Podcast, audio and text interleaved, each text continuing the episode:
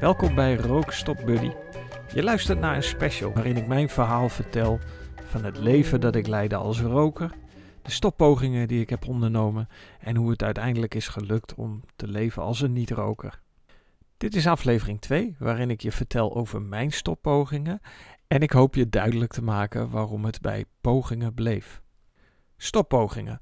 De gemiddelde roker onderneemt 5 tot 8 pogingen voordat hij slaagt om uiteindelijk nooit meer een sigaret op te steken.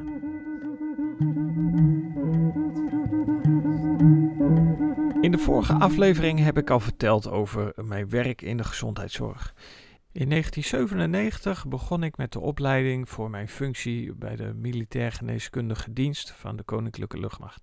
In deze tijd zouden we het een omscholingstraject noemen. Daarvoor was ik werkzaam bij de luchtmacht in de bewaking en ik deed iets met raketten. Het opleidingstraject was kort maar intensief. Dagen van 12 tot 16 uur waren redelijk normaal en je had de weekenden vrij.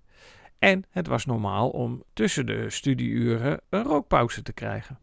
En daar werd door mij en mijn collega's uiteraard gebruik van gemaakt, want ja, we hadden stress dat niet-rokers ook stress ervaren en dat rokers een ander soort stress ervaren, dat leg ik uit in Leerdenken als een niet-roker. Even om je een beeld te geven van hoe het er ook alweer aan toe ging in 1997. Het was vrij normaal om als student in de gezondheidszorg rookpauzes te hebben. Zulke omstandigheden, in combinatie met de jonge leeftijd, dragen natuurlijk niet bij aan de motivatie om te stoppen met roken. Toch kan ik me nog vaag herinneren dat ik een poging heb ondernomen. Ik kan het me niet meer exact herinneren, maar het zal ermee te maken hebben gehad dat ik veranderde van baan, een nieuwe relatie kreeg en dat ik dit het moment vond om mijn leven opnieuw in te richten. Zijn dat dan goede argumenten om te stoppen met roken? Ik denk het wel. Ik denk dat het een goed moment is wanneer je je leven aan het veranderen bent om ook te stoppen met roken. Er ontbrak op dat moment alleen één voorwaarde en dat was kennis van tabak en de tabaksindustrie. De reden dat deze poging niet is geslaagd, uh, kan ik me niet meer herinneren, maar ik denk dat het iets te maken zal hebben met uh, de stress van het reizen als militair of de studie afronden. Weet je, rokers die kunnen wel een excuus vinden. En waardoor je denkt, ik ga weer roken, want dan ben ik van de stress af. Zo zal ik misschien nog drie serieuze stoppogingen hebben ondernomen. Ik kan ze niet allemaal op gaan noemen, want dan wordt deze aflevering veel te lang. Maar er is één bijzondere stoppoging die ik nog wil uitlichten. En dat is de stoppoging naar aanleiding van de kater. Roken en alcohol gaan hand in hand samen. Alan Carr stelt zich de vraag in zijn boek The Easy Way of roken niet een verkapte vorm van alcoholisme is. Dat vind ik een hele interessante. Maar even dat terzijde. De stoppoging naar aanleiding van de heftige kater. Stel je voor, je hebt flink gesopen, de dag daarna ben je brak, het eten staat je tegen, je bent moe, je bent aan het hoesten omdat je tijdens het baganaal minstens twee sigaretten per alcoholische consumptie hebt genuttigd. En je besluit, nee je besluit helemaal niks, je kan gewoon een dagje niet roken. En dat een moment als deze totaal ongeschikt is om te stoppen met roken, zit hem in het volgende. Je voelt je ziek, je kampt met schuldgevoelens en deze schuldgevoelens is precies de emotie waardoor jouw verslaving in stand blijft. Na een dagje uitbraken voel je je de volgende ochtend alweer wat beter en misschien hou je het vol tot de middag, maar dan begint toch de afgenomen nicotine onrust te veroorzaken waardoor je weer een sigaret wil opsteken. Je hebt je gedrag goed gepraat. Je bent weer gewoon aan het roken. Je dingen aan het doen wat je altijd doet. Het ingesleten gedrag van al die jaren. En voor je het weet zit je alweer bij de volgende borrel. Voel je de volgende ochtend slecht. Misschien wat minder dan die heftige kater daarvoor. Maar dan denk je van nou, ik laat even, ik ga wat minderen. Ik laat even een sigaretje liggen. En waarom lukt deze poging niet? Omdat je kampt met schuldgevoelens. Diezelfde schuldgevoelens doen je onzin uitkramen als ik heb het gevoel dat ik afscheid heb moeten nemen van een goede vriend. Dat hoor je wel eens wanneer mensen zijn gestopt met roken. Nou ja, dat soort dingen dus.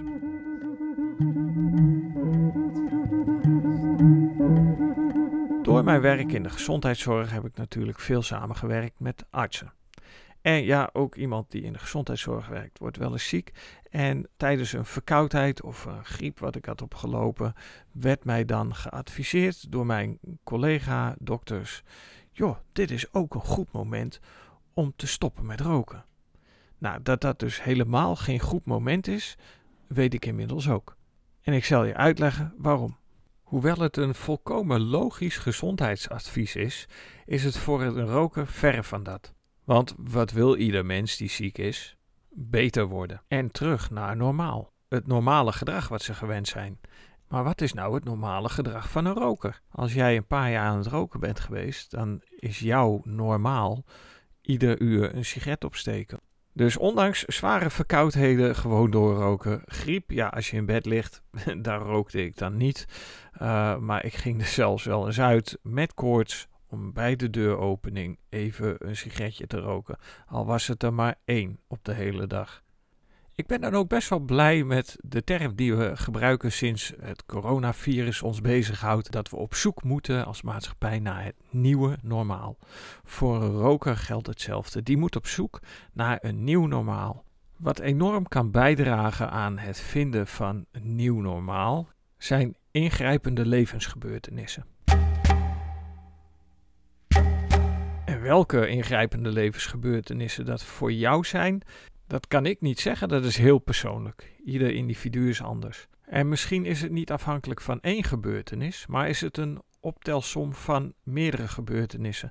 De ervaring die je daarmee opdoet. Als ik naar mezelf kijk, heb ik eh, best wel wat ingrijpende dingen meegemaakt. Uh, ik ben bijvoorbeeld op uitzending geweest. Nou ja, toen zat ik nog midden in uh, de gedachte dat stress verlicht zou worden door te roken. Dus ik bleef gewoon doorroken het plotseling overlijden van mijn beste vriend was ook niet genoeg om te zeggen: uh, ik ga stoppen met roken, ik ga mijn eigen leven veranderen. Zelfs de geboorte van mijn kinderen was dat niet. Zoals ik al eerder zei, die momenten die greep ik eigenlijk aan om gewoon door te blijven roken, omdat dat normaal voor me was en ik uh, in de veronderstelling was dat dat stress reduceerde. Ik denk dat deze momenten die ik je net noemde, er waren nogal meer, bij hebben gedragen aan het moment dat je er dan toch uiteindelijk klaar voor bent. Ik had het zojuist even over Ellen Carr. En het boekje The Easy Way is mij ooit als twintiger in de handen gedrukt. Ik weet niet meer door wie. Ik heb een poging gedaan om het te lezen, maar verder dan een poging om het te lezen kwam het niet, omdat ik de noodzaak nog niet zag. En wat is dan de noodzaak? In mijn geval was dat de ziekenhuisopnames van onze zoon met astma. Ik was al een paar jaar aan het werk in de verslavingszorg. Ik zag om mij heen wat de schade was van de, de verschillende middelen. Gek genoeg was roken niet een van de middelen die we behandelden. Nog steeds niet, volgens mij. Maar ik was me wel bewust geworden, door alle kennis die ik had opgedaan, dat, eh, dat ik te maken had met een ordinaire verslaving, afhankelijkheid. En naarmate ik in de verslavingszorg meer kennis opdeed, werd mijn drang naar onafhankelijkheid steeds sterker. Tot het moment dat ik samen met een collega uit het zicht van onze cliënten, want eh, we moeten het goede, goede, voorbeeld geven in de verslavingszorg, uit het zicht van onze cliënten een sigaret stond te roken in onze pauze. En tijdens deze specifieke rookpauze wordt aan mij door mijn collega de vraag gesteld: Maarten, waarom rook jij eigenlijk? En dat was het moment. De opstapeling van mijn levenservaring, de kennis die ik had opgedaan op het gebied van verslaving, en dan niet zozeer specifiek van het roken, dat komt in een volgende aflevering aan de orde. Dat was het moment dat ik geen zinnig antwoord kon geven op de vraag: waarom rook jij?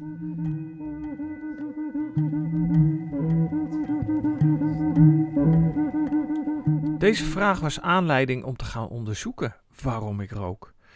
En mijn meest recente stoppoging stamde, eh, ik geloof, uit 2010.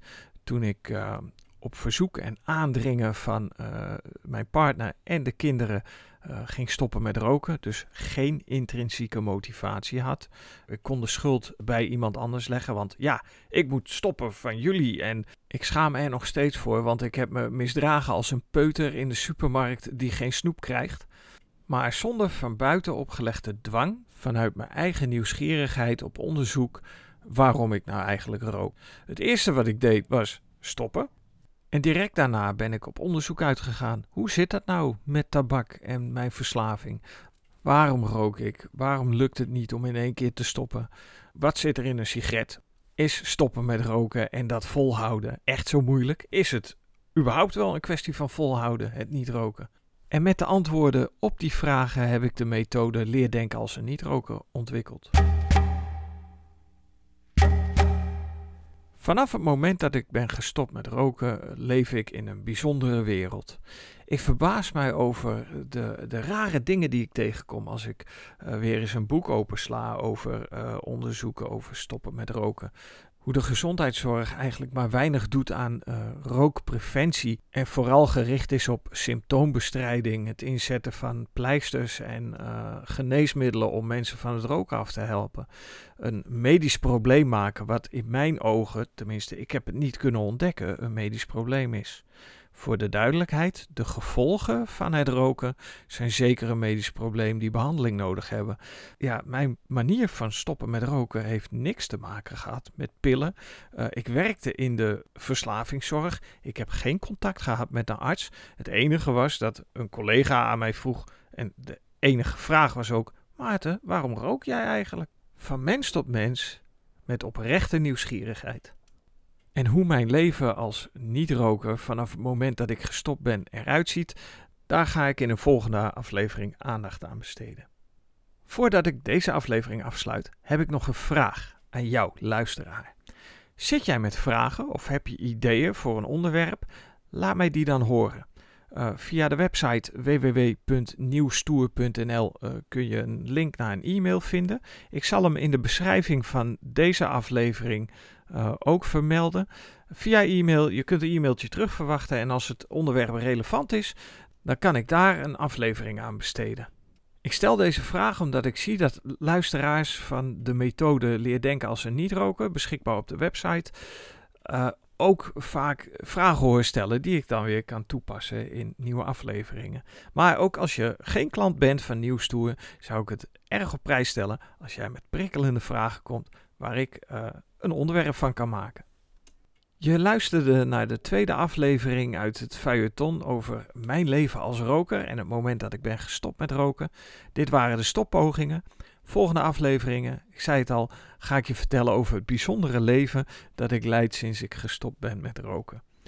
Dankjewel voor het luisteren en graag tot de volgende Rookstop.